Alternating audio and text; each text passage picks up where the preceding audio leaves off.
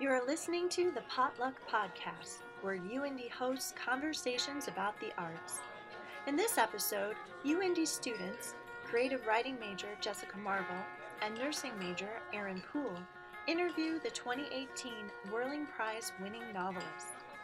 Etchings Press, a student run publisher at the University of Indianapolis, awards the Whirling Prize each fall to two books that demonstrate an excellent and compelling response to a theme selected by students. The 2018 theme was disability, and the student judges talk with Mira T. Lee about her winning novel, Everything Here is Beautiful. Hi, I'm Erin Poole. And I'm Jessica Marvel, and we are talking to Mira T. Lee, the author of Everything Here is Beautiful.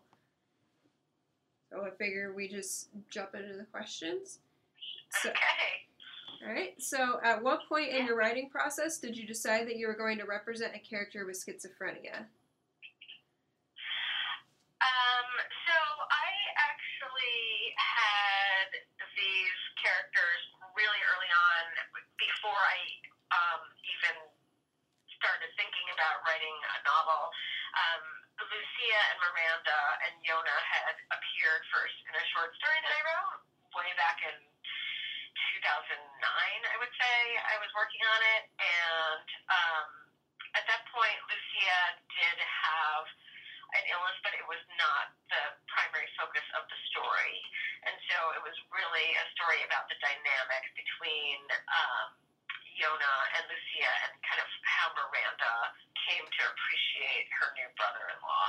Um, it was a little bit about um, a shared grief because Lucia did kind of um, leave, but it wasn't really focused on her illness. However, I did know at that point that she did have an illness and um, and that it was going to be something like schizophrenia.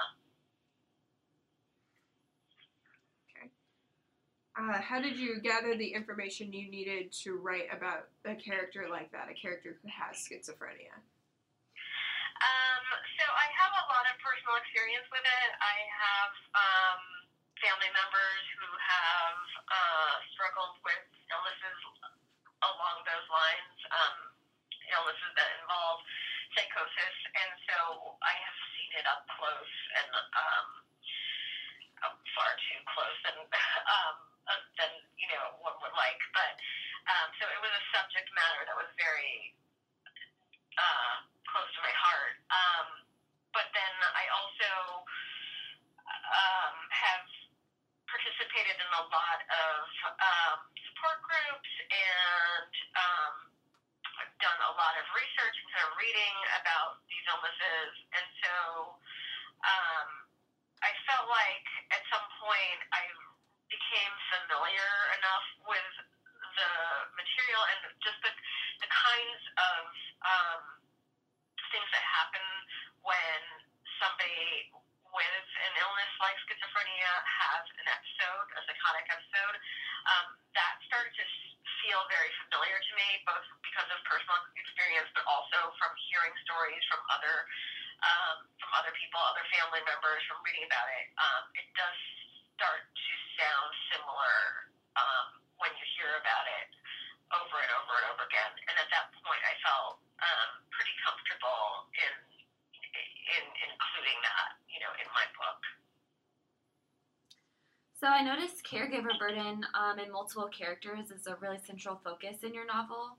Why did you decide to focus so heavily on this issue? Uh, I would say that I didn't write the book um, with any thought about what issues what I was dealing with. I really wrote the book from the perspective of these characters, these very specific characters in this kind of strange, cobbled together family, um, and how they had conflicts with each other, what their relationships were, um, and the kinds of binds that they found themselves in. So I felt like each character faces um, difficult questions about what they should or shouldn't do, um, especially regarding Lucia, but also just kind of within their own lives, they have to make decisions that are, are difficult decisions that don't have obvious right or wrong answers.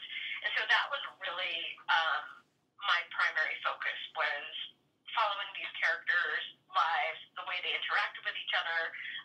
way they conflicted with each other, and the fact that um, some of them are caregivers or end up having to um, be in a position of responsibility and sometimes burden um, is just kind of a byproduct of you know befriending or being a loved one um, of someone who has an illness like Lucia's. And so it wasn't that I wanted to um, write about um, caregiving in particular, but um, those were the that was one of the issues that my characters um, ended up confronting, and so um, and so that was part of the story. So I really went at it from the, um, the angle of the characters, um, these particular characters, and how they interact with each other. I think it's kind of interesting that both of these things you didn't start out with the idea to write them, but eventually you just put them in there in the into the book. Yeah, I mean, I think um, I definitely started with the characters first, and then um, these other things came al- came with the characters. But it wasn't that I was trying, in particular, to write about certain themes or certain certain ideas. Uh, I I really feel like it was much more organic than that. Uh, when you first began this novel, were you aiming to also write a story about sisterhood as well? Uh, actually, no. Um, when I started this novel, I thought I was going to follow the trajectory of Lucia's life, and um, it was more about how her life kind of um, impacted these other people who were around her.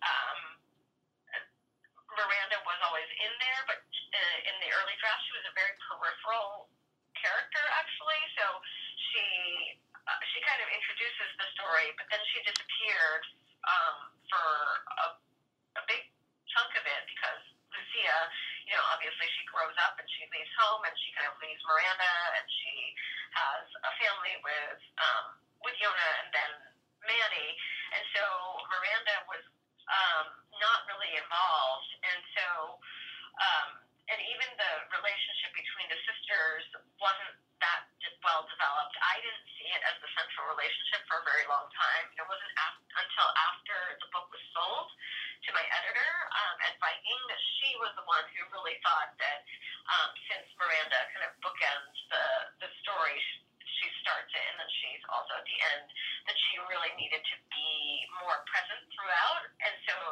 um, she had asked that I develop their relationship more fully, um, including, you know, stuff from their background, stuff from their childhood, um, scenes with their mother, um, and then just to have her more present, even when she wasn't physically present. It, um, she wanted Miranda to be more kind of mentally present, and so I, I did, in the end, um, think that that was a good idea, and I'm really glad that I, um, I did put more emphasis on that relationship, but it is interesting because it, the book is definitely pitched as a book about sisters, but it wasn't really originally written that way. Um, so Miranda, um, in the book, is seen flying across the world to be sure that Lucia receives the help she needs, um, whereas her husband stays behind. Did you choose to represent these characters differently on purpose, or? Um, yeah, I did. I I really um, I really wanted to show that Stefan is also in a very difficult position.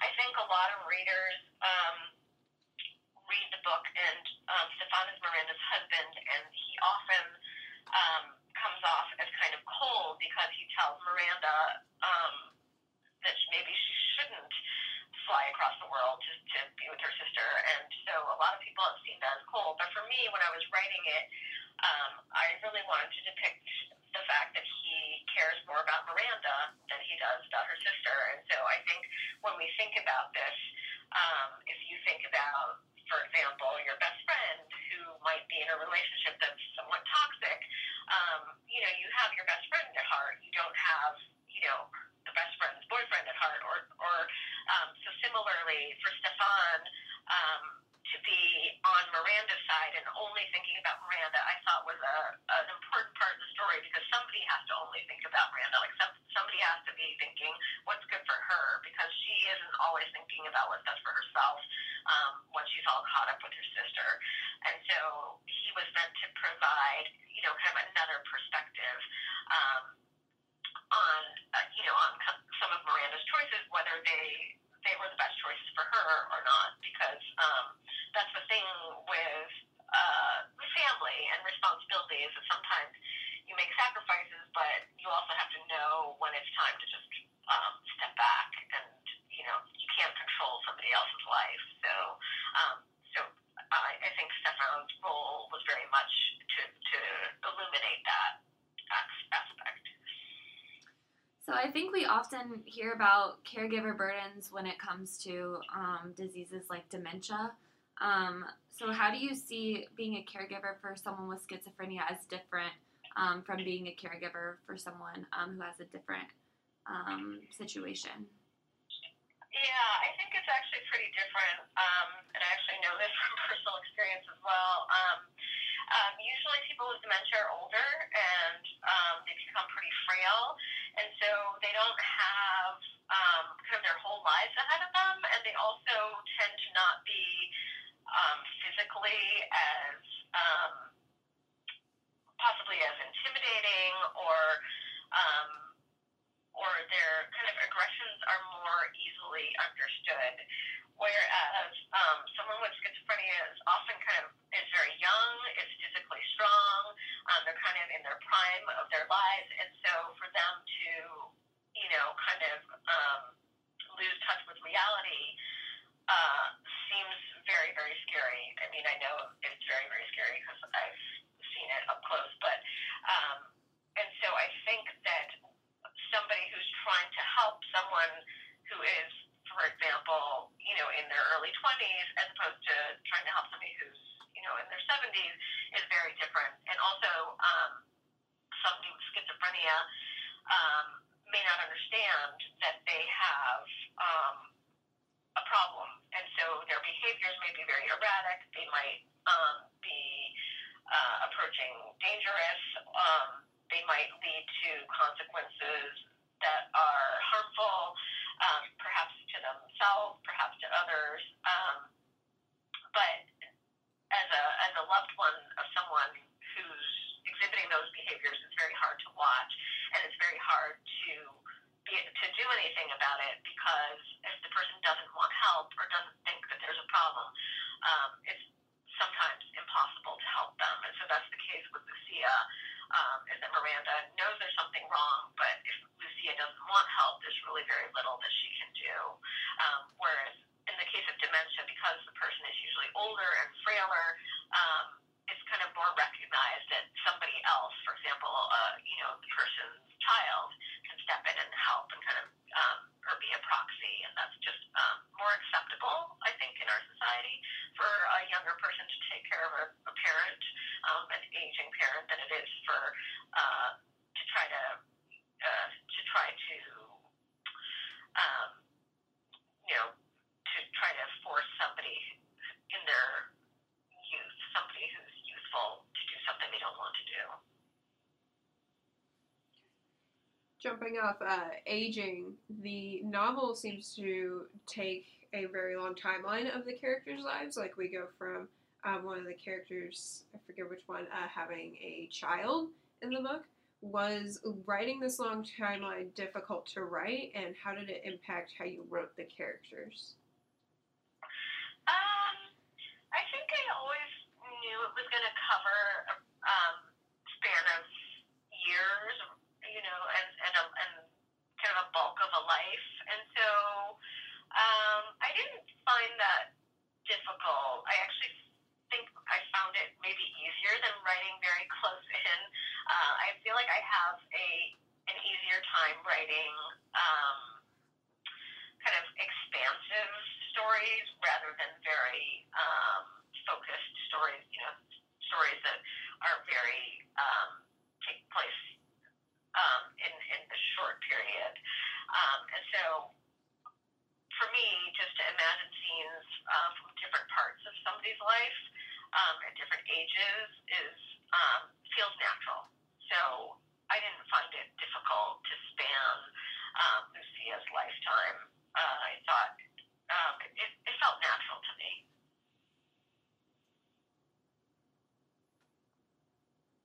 Did you um, find any difficulties about writing the character that, with schizophrenia at all? Um, I think I did. Um, I had um, some apprehensiveness going into it, especially when I knew at some point that I was going to have to write Lucia in a first person voice. And I really wanted to write a first person voice. Um, but I also wanted her to come across as very vibrant and very smart and perce- perceptive. And so um, getting that part of her voice right actually was um, was really tricky for me because I had to make several attempts at it because the, it just kept falling flat in the beginning. She just sounded too generic um, and just not quirky enough. And so um, getting her voice right was tough. But once I kind of got that a little bit of the sassiness that she had, um, the way she sees the world, then I was able to write her um, a. And then as for when she actually falls into states of uh, psychosis, um, that wasn't actually as hard as the parts where she's just herself and well. Um, uh, so yeah, so I, I, I did I was very careful to you know to try to read up on um, first person accounts of people um, in psychosis. Um, but actually, in the end, I thought that writing her when she was perfectly fine and herself was the trickier part because I just I just wanted to make sure her character really uh, came alive, you know, and really kind of jumped off the page. Uh, how did you decide which symptoms of schizophrenia to manifest in Lucia? Which symptoms? Um, I think I uh, basically, um, you know, I try to go with the ones that people are familiar with. So, um, you know, hearing voices is kind of something that people always associate, and it is very common. Um, but then there are other um, there are other symptoms that people know less about. There's um, kind of withdrawal and um, inability to kind of communicate. Um, and so I I didn't I don't feel like I consciously chose. I did read up a lot about the different symptoms and um, their positive symptoms, which are things that um, are present that shouldn't be, and then there are also negative symptoms. Um, for example, withdrawal. Um, and so I just I, you know I just tried to portray. I, I, I tried to portray, portray it as accurately as I could, kind of based on what I've seen, um, what I've heard, um, and you know, and then something like the serpents, I felt like that was a way for people to really, people who had never perhaps encountered these illnesses, I felt like it was a way that they could really have something to hang on to and to really be able to kind of understand um, something about how she might have experienced the illness. Um, so, did you intend for your novel to take a political stance on immigration?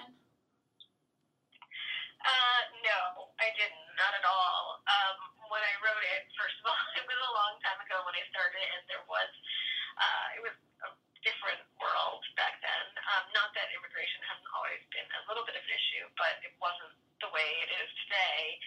And I really didn't think um, a lot about the fact that my characters were all immigrants when I wrote it. Um, it just came very naturally to me because that's pretty much the world that I have known. And so the people around me, um, you know, have often been, you know, it's, I've always had a very international community around me. And so uh, my parents were immigrants themselves, and I've lived abroad. And so it just made sense for me that there would be, um, this book would be populated with immigrants of all different kinds.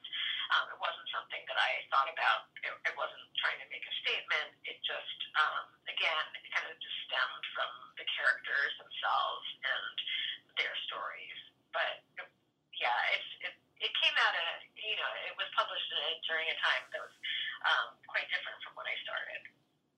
So, what do you think has been the reception of your novel in light of the current political climate, if if there is one? Um, I don't actually feel like people have um, made. I don't feel like it's made a big difference. I mean, people do comment on the fact that they're immigrants, but um, but I don't feel like that's that's the heart of the novel. And so I think that the, their immigration statuses and where they come from uh, is secondary to who who they are as um, family to each other. So I think the heart of the story really is about how these characters how these characters relate to each other as family members, even though they're kind of an odd group of family. But that's kind of their primary role um, in the story, and the fact that they're immigrants with various, you know, um, backgrounds is secondary. And so I, I, I feel like people haven't really focused that much on the immigration aspect of it. So to take a turn away from this, uh, are you working on anything new at all? I am trying to work on some something new. Um, I'm not quite sure what it's going to be. Um, I do think it's going to be very different from that novel, though. So, but I'm not really far along uh, enough to say what it will be. So, but yes, I am trying to write something else. Uh, so, after um, reading Everything Here is Beautiful, what do you hope readers will take with them?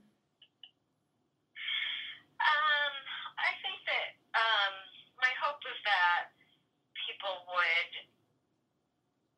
um, gain some understanding of these illnesses and what it means to not only the person who has the illness, but also to their family and that, um, how it impacts everybody around them. Because these illnesses really are, um, their ripple effects are very wide. And so I really did want to tell the story from a very um, a 360 degree perspective. But more than that, I, I think, you know, my goal in writing these characters, um, I really hope that people would disagree about what each one of them should have done. So I've been to a lot of uh, book groups, you know, and heard people discussing um, the novel, and people will um, will talk about, you know, which sister, you know, was a more sympathetic character or what really happened in the end. And some people will say, oh, I think this happened, and somebody else will disagree. And whenever I hear that people are um, disagreeing about things um, in the book and taking sides, um, then I think I've done what I set out to do, which was to portray a, a very complicated situation, um, many different complicated situations, and characters who are just trying to deal with these situations as best they can. Um, and there's really no right or wrong answer in what they should or shouldn't have done. And so I really wanted to um, portray that in a nuanced way. And so, you know, if there's disagreement, then I'm happy. Well, thank you so much for taking the time um, to talk with us about this. Um, it was great hearing your responses to um, some questions that us as judges um, had as we were reading your novel. Thank you. Sure. Well, thank you so much for reading it. Um, I really, really appreciate it.